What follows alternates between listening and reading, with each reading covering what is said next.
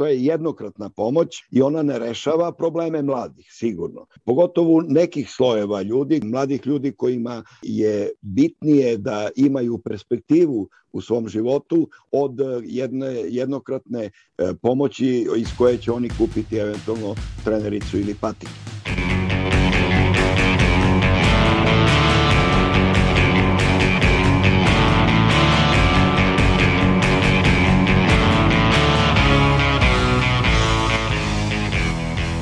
Slušate podcast Reaguj nezavisnog društva novinara Vojvodine.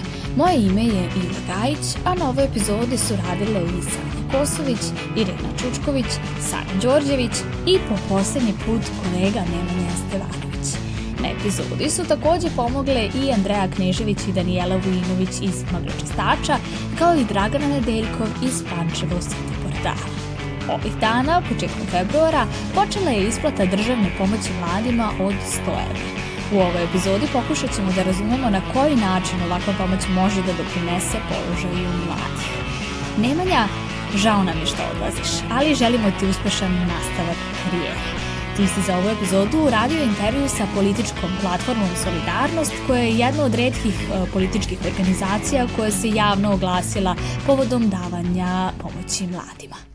Tako je Iva.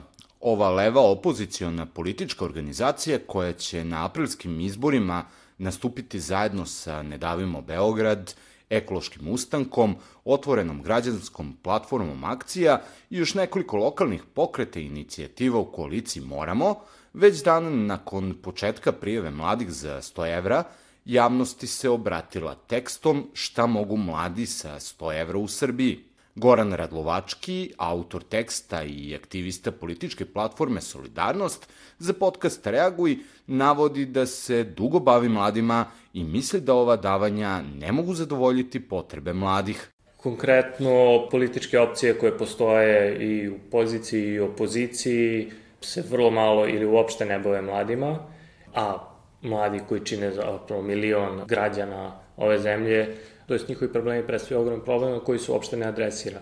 S tim u vezi, poželjno je da i solidarnost i druge političke opcije stave na agendu mlade i da konačno krenu da, da, da više obraćaju pažnje na njih, a ne toliko na neka manje važna pitanja. Ipak aktivista političke platforme Solidarnost Goran Radlovački navodi da je tu problem i tajming ovih davanja jer su izbori na Pragu. Naš sagovornik navodi da mladi, iako dobijaju novac, sigurno nisu ciljna grupa vladajuće partije, već se preko njih Srpska napredna stranka obraća njihovim roditeljima i starima. Mladi e, po statistikama ne veruju ni, ni jednoj instituciji, a najmanje od svih institucija veruju političarima. O, ovo je način da se zapravo dođe do roditelja tih mladih i, ili možda njihovih ovi, e, baba i deda, e, da pokažu kako oni zapravo brinu o, o, o mladima u Srbiji, da kada roditelji budu videli da ovaj, kako pomoć mladi dobijaju, da će onda oni biti opredeljeni možda da glasaju i daju svoj glas vladajućoj stranci. Sa druge strane, predsednik Srbije i vladajuće Srpske napredne stranke najavio je 22. januara gostujući na televiziji Pink – da će, ukoliko ostanu na vlasti, zamoliti vladu za još jednu naučanu pomoć u drugoj polovini 2022. Naš sagovnik iz Solidarnosti ovo vidi kao problem i predizborno obećanje. Postavlja se pitanje opet se vraćamo na isto. Zašto pre ili posle izbora, zašto ne u nekoj neizbornoj godini, zašto taj vid pomoći, ako se već sa toliko novca raspolaže, zašto se više ne investira u ministarstvo omladine i sporta koje po svemu sudeći nije uradilo dovoljno, a neki bi rekli nije uradilo i ništa po pitanju mladih. I druga pitanja poput zašto se zostaje sa izmenama zakona o mladima, sa nacionalnom strategijom za mlade, ili zašto se nedovoljno priča o stambenoj politici za za mlade. Zdravlje mladih, posebno mentalno zdravlje mladih koji sve više imaju anksioznost i depresiju,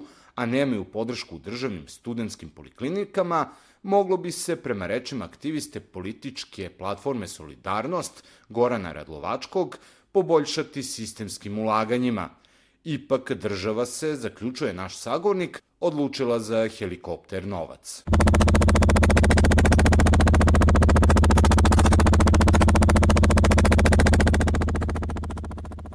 Profesor ekonomije na Ekonomskom fakultetu u Nišu, Boban Stojanović, navodi da ova helikopter praksa nije vezana samo za Srbiju, ali da se novac daje mnogo više nego u drugim zemljama. Zamera što se novac daje neselektivno jer mladi ljudi imaju različite potrebe. To je jednokratna pomoć i ona ne rešava probleme mladih, sigurno. Pogotovo nekih slojeva ljudi koji imaju, recimo, mladih koji imaju dobra primanja od roditelja ili su već zaposleni, tako dalje. Imate e, veliku kategoriju nezaposlenih mladih ljudi, zatim mladih ljudi kojima je bitnije da imaju perspektivu u svom životu od jedne jednokratne e, pomoći iz koje će oni kupiti eventualno trenericu ili patik. Mladi traže sigurnost u zemlji, traže motiv da ne odu u inostranstvo i možda je bolje bilo ulaganje u obrazovanje, pogotovo u rešavanje problema socijalnog karaktera, a jedan dobar deo te populacije je sigurno socijalno ugrožen. Osim što suštinski ne pomaže mladima, 100 evra za mlade bez selektivnog pristupa nije korisno ni za privredu. Jedina smislena pomoć domaćoj ekonomiji bi bila kada bi mladi ova sredstva trošili na domaće proizvode, što se od njih ne može očekivati. Dakle, neki deo sredstava domaćeg budžeta se ovim postupkom iznosi iz zemlje. Pitanje je kuda će otići ta pomoć. Jedan deo će automatski da se vrati državi, to je 20% PDV-a, znači petina će se vratiti e, od onoga koji je taj novac i dao, a ostalo će otići u neku najverovatnije neproizvodnu potrošnju, Znači, kupovaće se e, potrošna roba skromnih razmera, ali e, moramo da konstatujemo takođe da je veći deo te robe iz uvoza jer mi tradicionalno imamo deficit u poslovanju sa inostranstvom, znači imamo mnogo više uvozimo nego što izvozimo, a dobar deo potrošne robe iz inostranstva.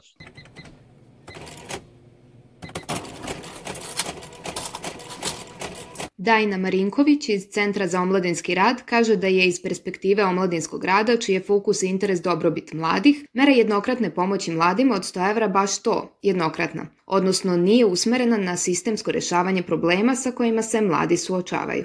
Ono što, mislim, mi kada pričamo iz pozicije omladinskog rada uvek razmišljamo mnogo šire, a to je ta neko obezbeđivanje sistemske podrške mladima i onda nekako iz te perspektive ova mera predstavlja samo jedan jako, jako mali deo koji, mislim, gotovo na neki način nije u, u, u tom kao sistemu, gotovo je neprimetan.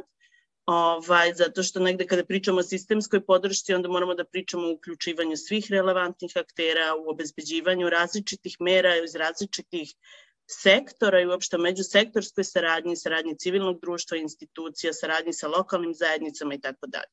Tako da mislim, s te strane nekako kao iz perspektive omladinskog rada, ovaj, opet kažem, jednokratna, jednokratna pomoć mladima ili generalno ako pričamo o bilo kojoj uzrasnoj grupi. Naša sagovornica objašnjava i koja su to sistemska rešenja koja bi bila od većeg značaja za mlade. Neka od tih rešenja su recimo ono što se sad trenutno dešava, zato što smo, mislim, trenutno nekih poslednjih ovaj, godinu i po do dve, smo u procesu izmene zakonodavnog akvira, recimo kad su pitanju mladi, pa smo tako prošle godine usvojena nova strategija zapošljavanja. Sad su trenutno u procesu izmene zakona o mladima i izrada potpuno nove nacionalne strategije za mlade koje u stvari treba da, da definišu nekako bolje taj, taj sistemski okvir podrške. Tako da to je nekako, da kažemo, samo samo početak ovaj onoga što sve može da se uradi i mi negde opet kao centar za omladinski rad mislimo da upravo ovakav početak treba da, da stvori neke preduslove za unapređenje položaja mladih u, u našem društvu, odnosno u Srbiji. Dragana Nedeljkov iz portala Pančevo City je uradila anketu sa mladima iz ovog grada. Poslušajmo. Mnogi mladi ljudi smatraju da im je jednokratna pomoć od 100 evra svakako pripada i da je ovo samo način da vladića stranka potkupi mlađe biračko telo. Da li su se prijavili za pomoć od 100 evra, kako će potrošiti taj novac, zašto misle da su ga dobili i kako će to uticati na njihov izbor u aprilu, govore mladi iz Pančeva. Da, prijavila sam se za pomoć od 100 evra i to ne smatram kao vid pomoći, nego uh, je to moj novac koji, koji mi prosto sleduje i koji treba da dobijem. Znači, to nije nikakva pomoć, nego naš novac, novac naroda. Neće uticati na moju odluku što se tiče izlaska na izbore. Prosto ne može na takav način da se utiče i mislim da ne može ni na koga na takav način da se utiče od mlađe generacije. A sa svojih 100 evra koje budem dobila trenutno planiram da uštedim. Prijavio sam se za pomoć od 100 evra kao i za sve ranije pomoći od države. To nije uticalo, niti će uticati na to kako ja glasam na izborima ili da li uopšte idem na izbore i nisam odredio kako ću potrošiti taj novac još uvek. Prijavio sam se za državnu pomoć od 100 evra, pa mislim da država deli novčanu pomoć zbog e, ekonomskih i raznih drugih kriza koje su se javile tokom pandemije koronavirusa. To neće uticati na moju odluku o političkim izborima i gledat ću da svojih 100 evra potrošim na neki koristan način. Da, prijavila sam se za kratkotrajnu novčanu pomoć od strane države u iznosu od 100 evra. Ja mislim da ova vrsta pomoći od države služi kako bismo postavljali što manje pitanja i nadajmo se zaboravili na trenutak da se nalazimo u veoma kritičnom kako političkom tako i ekonomskom periodu države Republike Srbije. Naravno, ova vrsta novčane kratkotrajne pomoći od strane države neće uticati na moju odluku da li ću izaći na predstojeće političke izbore u državi. E, svojih teško zarađenih 100 evra um, zahvaljujući državi, želim da potrošim na neko putovanje koje će se, ja se nadam, završiti emigracijom iz ove države.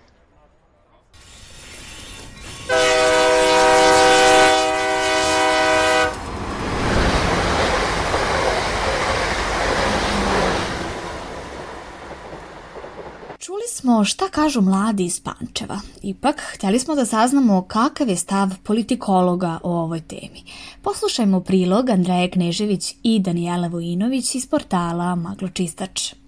Politikolog i izvršni direktor Instituta za evropska pitanja, Naim Leo Beširi, povod za isplatu jednokratne državne pomoći ocenjuje kao pokušaj da se obezbede glasovi jednog dela mladih ljudi na predstojećim izborima prosto i sa slepima jasno šta predsednik želi ovim da poruči i da uradi, jeste da ovih 100 miliona evra koji će potrošiti iz državne kase mimo bilo kakvog ovlašćenja je kupovina glasova mladih ljudi. Jasno je da u poslednjih nekoliko meseci e, ekološki protesti da su privukli dosta mladih ljudi koji su zabrinuti ne samo e, za generalno stanje u društvu u kojem se nalazi, već i zbog te zdrave životne sredine kojima je, koje je očigledno važna ne samo starim sugrađanima u ovoj zemlji. Tako se predsednik dodvorava tačno toj grupaciji ljudi od 18 do 29 godina, što se i u okviru zakona o mladima smatra mladim ljudima,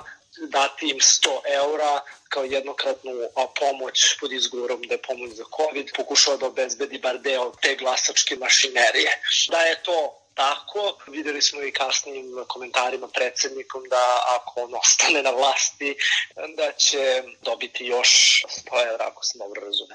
Beširi navodi da su se razlogom targetirani mladi od 16 do 29 godina.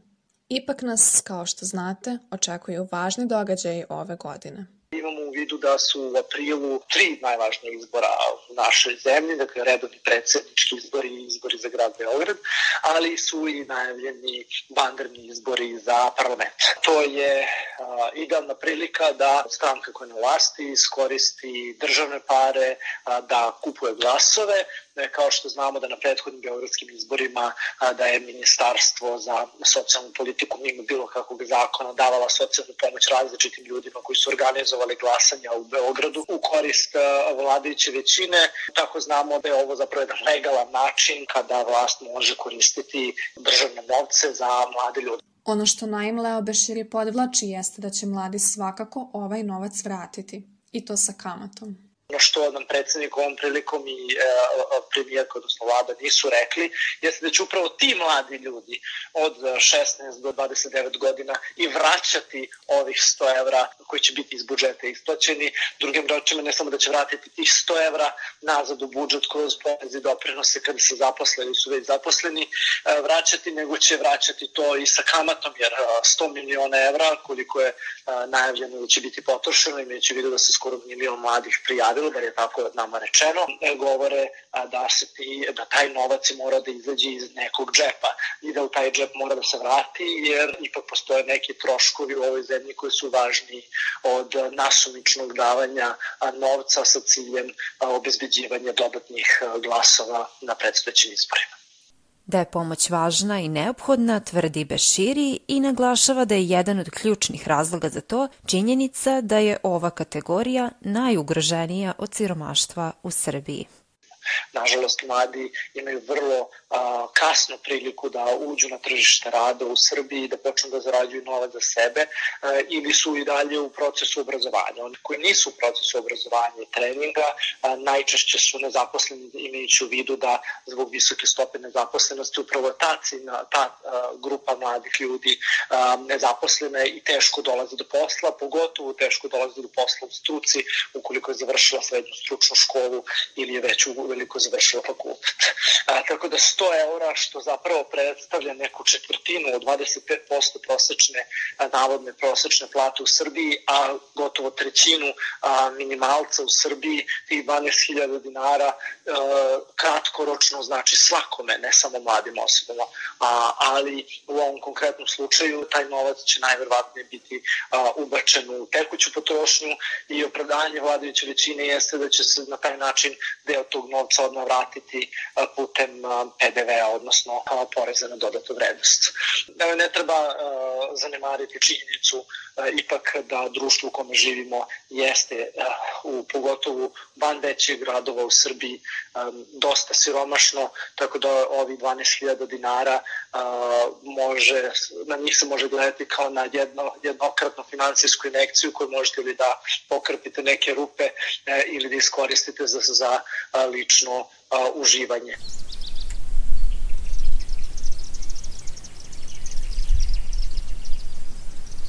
Specijalni savjetnik u Fiskalnom savetu Marko Milanović navodi da je Srbija od početka pandemije do sada izdvojila 1,4 milijarde evra za direktnu pomoć građanima, a da će isplata od 100 evra mladima i 20.000 dinara penzionerima tu cifru povećati na čak 1,8 milijardi evra. U suštini ova mera, praktično poslednja najavljena, tih 100 evra za mlade od 16 do 29 godina, košta će budžet Srbije nekih 100 miliona evra okvirno i to je praktično taj godišnji trošak koji će se plaćati iz budžeta. E sad, ono što ne bi bilo loše reći je da praktično je to, treba posmatrati kao deo ovog jednog šireg paketa direktne pomoći građanima koji je otpočela država da primenjuje praktično od početka pandemije, to od negde početka 2020. E sad, ako sagledamo sve te direktne mere građanima, ranije je bilo 100 evra punoletnima i slično, kad se sve to sabere, evo do današnjeg dana, trošak ukupan je dosta veći. Znači, čitav taj blok opteretio je budžet Srbije za nekih 1,4 milijarde evra i sada na to treba dodati ovu novu, znači još nekih 0,1, praktično to je 1,5 i eto, u jednom trenutku u februaru će i penzioneri dobiti opet jednokratno isplatu neselektivno 20.000, znači to u zbiru sve će koštati nekih 1,8 milijardi evra. Kako Milanović navodi, ovaj novac bi mogao da pokrije i reši veliki problem u državi, problem otpada. Čisto eto da se stekne neki utisak praktično koliko je to recimo značajna suma novca za budžet je da je to novac koji je prema našim računicama onako ugrubo bio dovoljan da se reši u potpunosti problem otpada recimo u Srbiji, znači kada računamo ovaj industrijski, e, komunalni i slično. Tako da radi se u suštini o jednoj značajnoj cifri. 100 evra u džepu svakako nije na odmet, ali ipak korist ove pomoći nije dugoročna. Milanović iz Fiskalnog saveta ističe da ovakve pomoći ne treba davati neselektivno, već utvrditi kome je ona potrebna, a kome ipak nije ta najšira ekonomska korist zapravo pa ne, nema je, odnosno ne ide dalje od toga da građani praktično kratkoročno osete neki boljitak u svom novčaniku. A zašto to kažem? Zato što ovaj, budžet Srbije je u deficitu. Znači praktično od 2020. svaki novi trošak država se mora zadužiti da bi pokrila. E pa tako i sa ovim. Dakle, to je novac koji pre svega se mora pozajmiti, pa se onda dati građanima. Tako da ovaj na ukupan trošak u tom nekom širem vremenskom horizontu verovatno bi trebalo dodati i kamatu koju mi plaćamo na taj dug. Građani to možda ne osjećaju direktno, ali to je ipak novac koji se u krajnjoj liniji sutra dan izdvaja, ne znam, za druge neke javne usluge, vrtiće, škole i tako dalje. Zbog toga smo mi od starta nekako ukazivali na potrebu da ta pomoć bude selektivna. Ako se, dakle, mi već zadužujemo i svi građani Srbije, ekonomska retorika i osnovna neka logika nalaže zapravo ne dati svima kojima je potrebno i kojima nije, nego zapravo dati onima kojima je potrebna, koji su u tom trenutku najugroženiji. Primetan je rast cena hrane i energenata. Inflacija kuca na vrata, a Milanović ističe da mere kratkoročne direktne pomoći građanima samo dodatno postiču rast cena. Trenutak još jedan novog upozorenja je kad raste inflacija, praktično država bi trebala se suzdrži od tih neselektivnih mera, jer na neki način tako samo podgreva dodatno već zagrejanu porast opšti cena. I da dodam, još jedna stvar važna je kad smo ocenjivali mi te efekte, pozitivne praktično, ne stoji da će oni u suštini se izrazito pozitivno odraziti na privredni rast, znači na BDP, pa čak ni da će resiti problem nejednakosti i siromaštva, jer to su praktično dugoročni problemi koje ne možete rešiti ad hoc merom koja je linearna za sve, dakle tu je potreban sistemski pristup, a svakako ne mere u arbitrarnom iznosu koje se razrezuju i daju svima, i kojima treba i kojima ne. Ono što Milanović podvlači jeste da su nove mere pomoći građanima uvedene nakon što je budžet za 2022. godinu usvojen. Ovakva naknadna odluka može urušiti kredibilitet odgovornog vođenja fiskalne politike. Trebalo bi imati u vidu da je budžet zapravo osnovni akt za vođenje ekonomske politike države i on je trebalo da sadrži sve mere koje će vlada primenjivati. Na ovaj način se praktično urušava njegov kredibilitet u određenoj meri, jer dobra budžetska praksa nije da vi razne mere usvete nakon što Skupština da vama legitimitet za trošenje para u narednoj godini. Tako da i o tome bi trebalo voditi računa. Mi smo više puta skretali na mogućnost trošenja kroz budžetsku rezervu koja nije išla uvek za neke vanredne izdatke koje niste mogli da predvidite. Tako da to je još jedna stvar na kojoj onako skrećemo pažnju je taj važnost budžetskog procesa u čitavoj ovoj priči. Znači suštinska jedna ekonomska o kojoj smo najviše pričali, a onda i ta proceduralna koja vama uliva kredibilitet u vođenje fiskalne politike da je praktično odgovorna. Eto.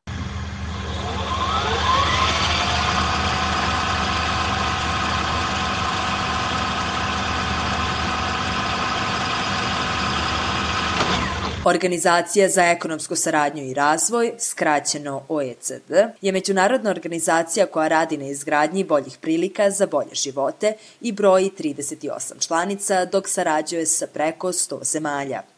U seriji članaka u kojoj su se stručnjaci OECD-a bavili krizom koronavirusa i razvijali rešenja za budućnost, jedan deo članaka posvetili su upravo mladima. Kako su pokazali istraživanja ove organizacije, u drugom kvartalu 2020. godine stopa nezaposlenosti mladih iz država članica OECD-a iznosila je 17%, što je skoro duplo više od stope zabeležene u poslednjem kvartalu 2019.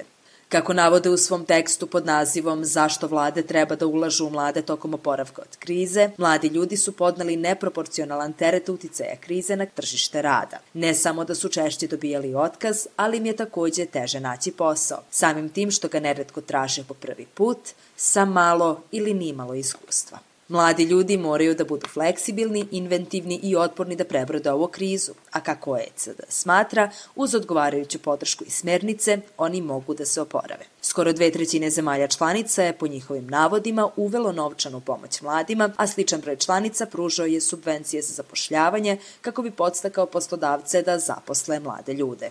Ovo su samo neki primeri iz publikacije OECD pod nazivom Šta su zemlje uradile kako bi podržale mlade tokom COVID-19 krize.